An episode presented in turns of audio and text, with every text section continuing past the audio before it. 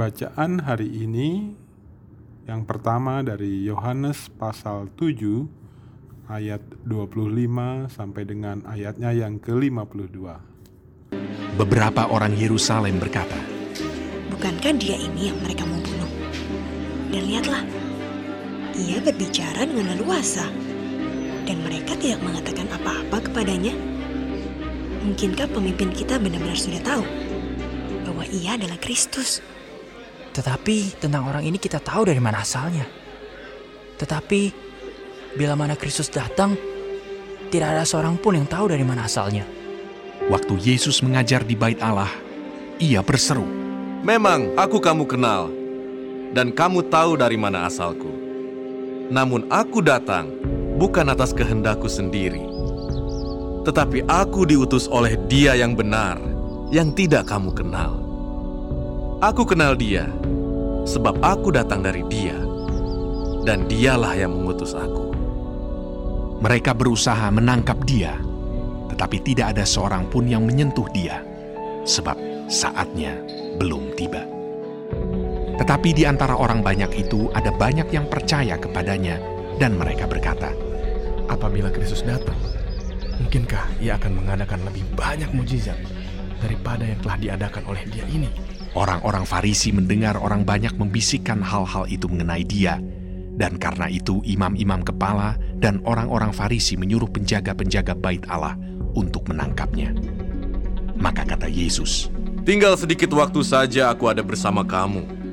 Dan sesudah itu, aku akan pergi kepada dia yang telah mengutus aku.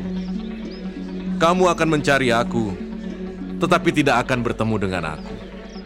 Sebab kamu tidak dapat datang ke tempat di mana aku berada.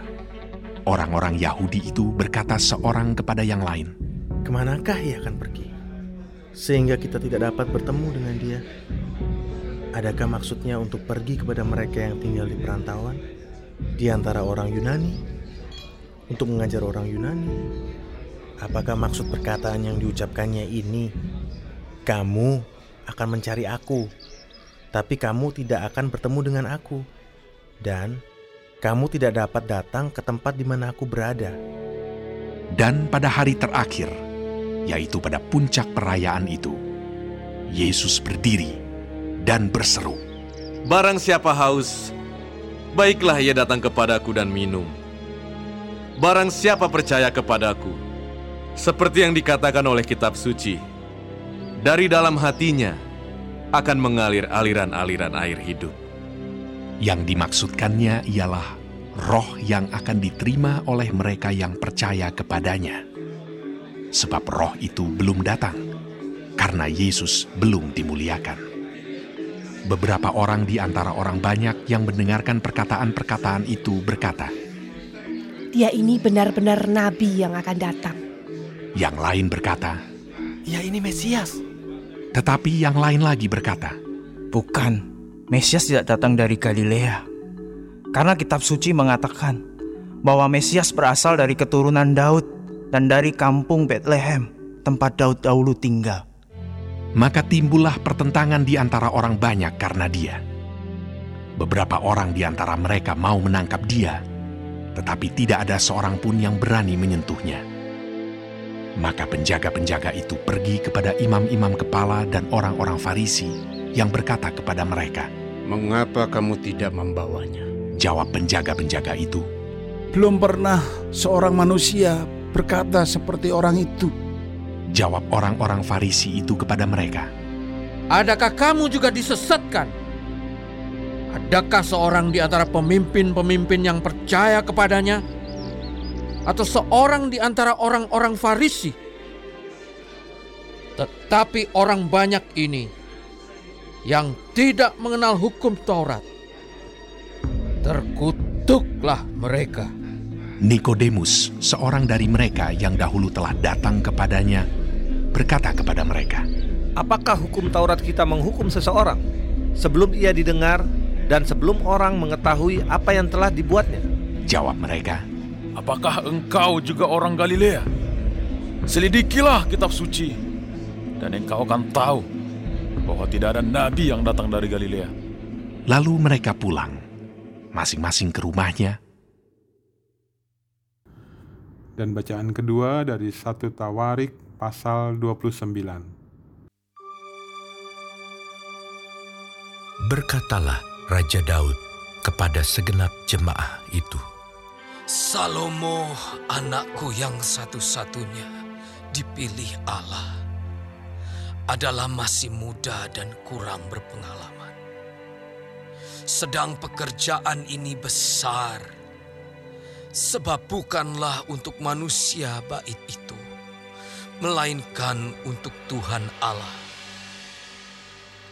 Dengan segenap kemampuan, aku telah mengadakan persediaan untuk rumah Allahku, yakni emas untuk barang-barang emas, perak untuk barang-barang perak, tembaga untuk barang-barang tembaga, besi untuk barang-barang besi, dan kayu untuk barang-barang kayu. Batu permata syoham dan permata tak tahan, batu hitam dan batu permata yang berwarna-warna, dan segala macam batu mahal-mahal, dan sangat banyak bualam. Lagi pula oleh karena cintaku kepada rumah Allahku, maka sebagai tambahan pada segala yang telah kusediakan bagi rumah kudus. Aku dengan ini memberikan kepada rumah Allahku dari emas dan perak kepunyaanku sendiri. Tiga ribu talenta emas dari emas Ofir dan tujuh ribu talenta perak murni untuk menyalut dinding ruangan.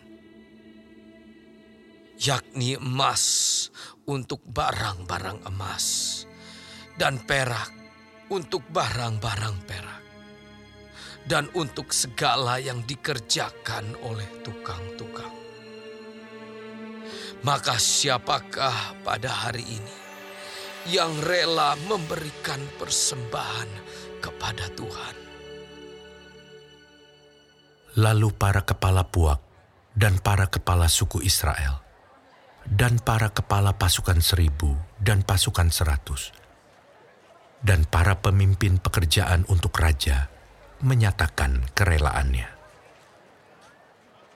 Mereka menyerahkan untuk ibadah di rumah Allah lima ribu talenta emas dan sepuluh ribu dirham, sepuluh ribu talenta perak dan delapan belas ribu talenta tembaga, serta seratus ribu talenta besi. Siapa yang mempunyai batu permata, menyerahkannya kepada Yehiel, orang Gerson itu, untuk perbendaharaan rumah Tuhan. Bangsa itu bersuka cita karena kerelaan mereka masing-masing.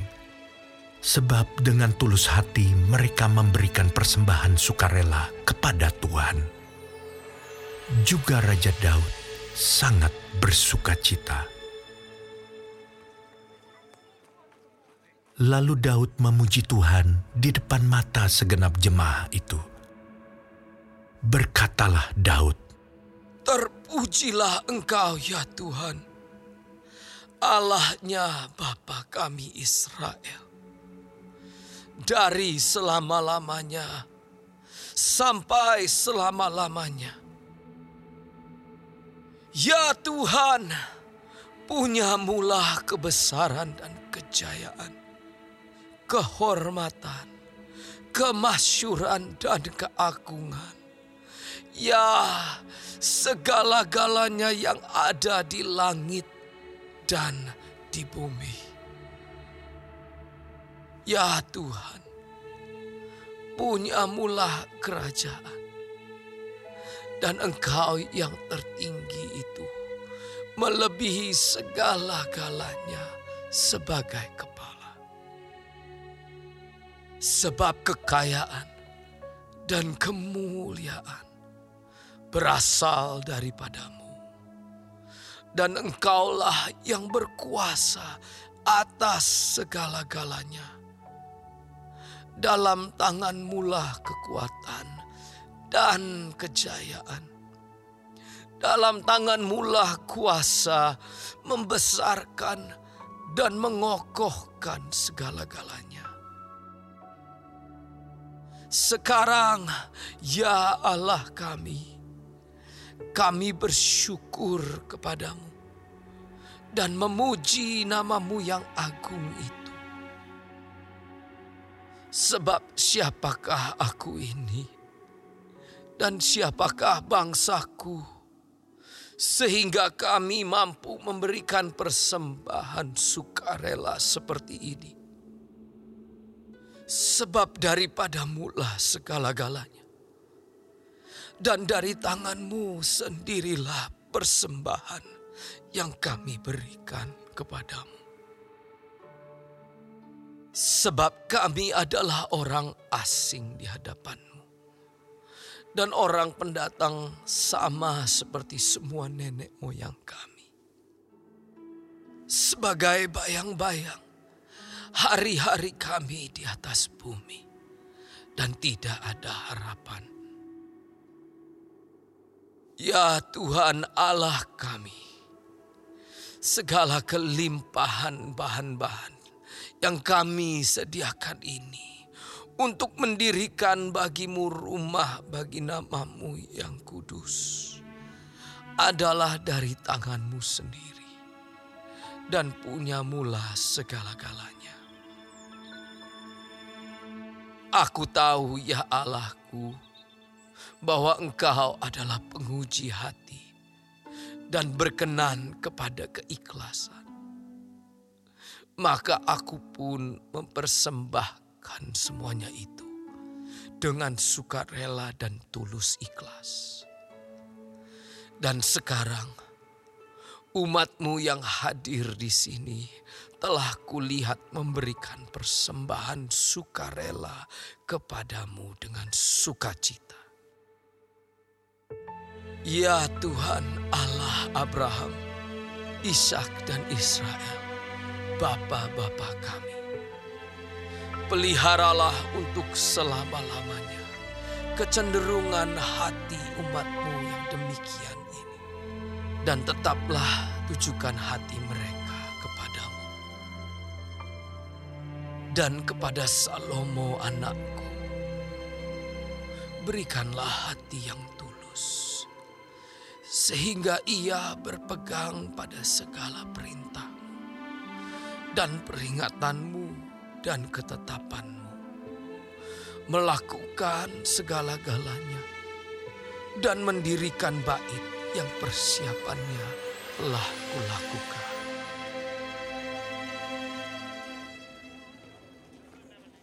Kemudian berkatalah Daud kepada segenap jemaah itu.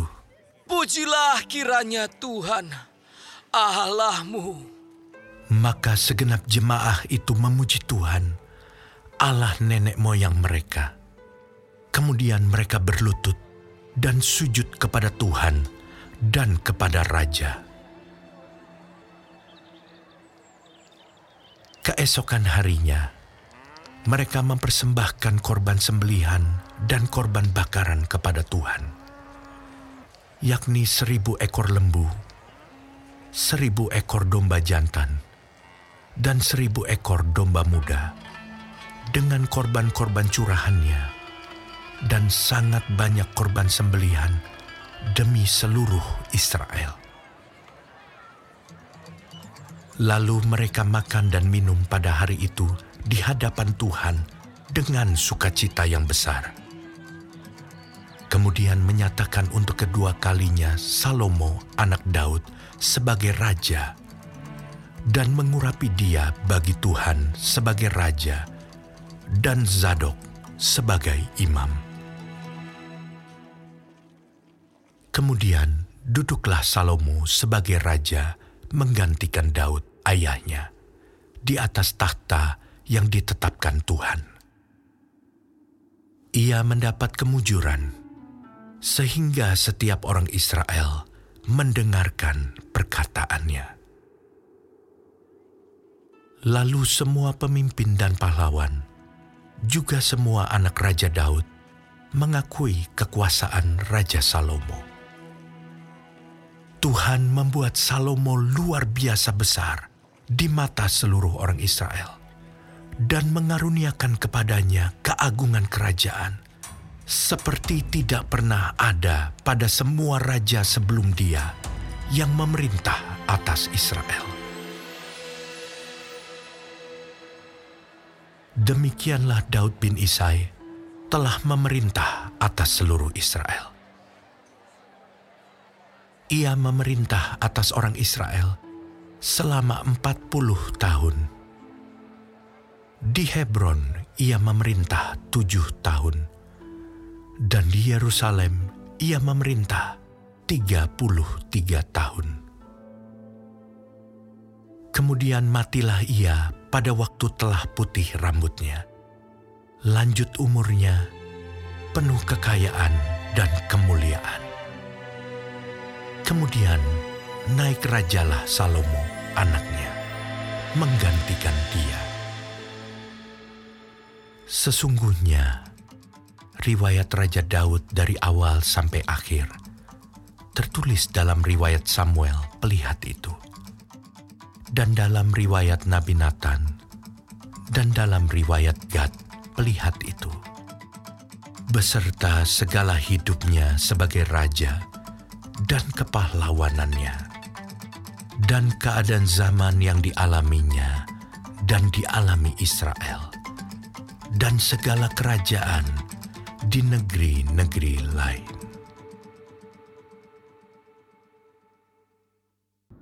Dan bacaan ketiga dari Zakaria pasalnya yang ke-13.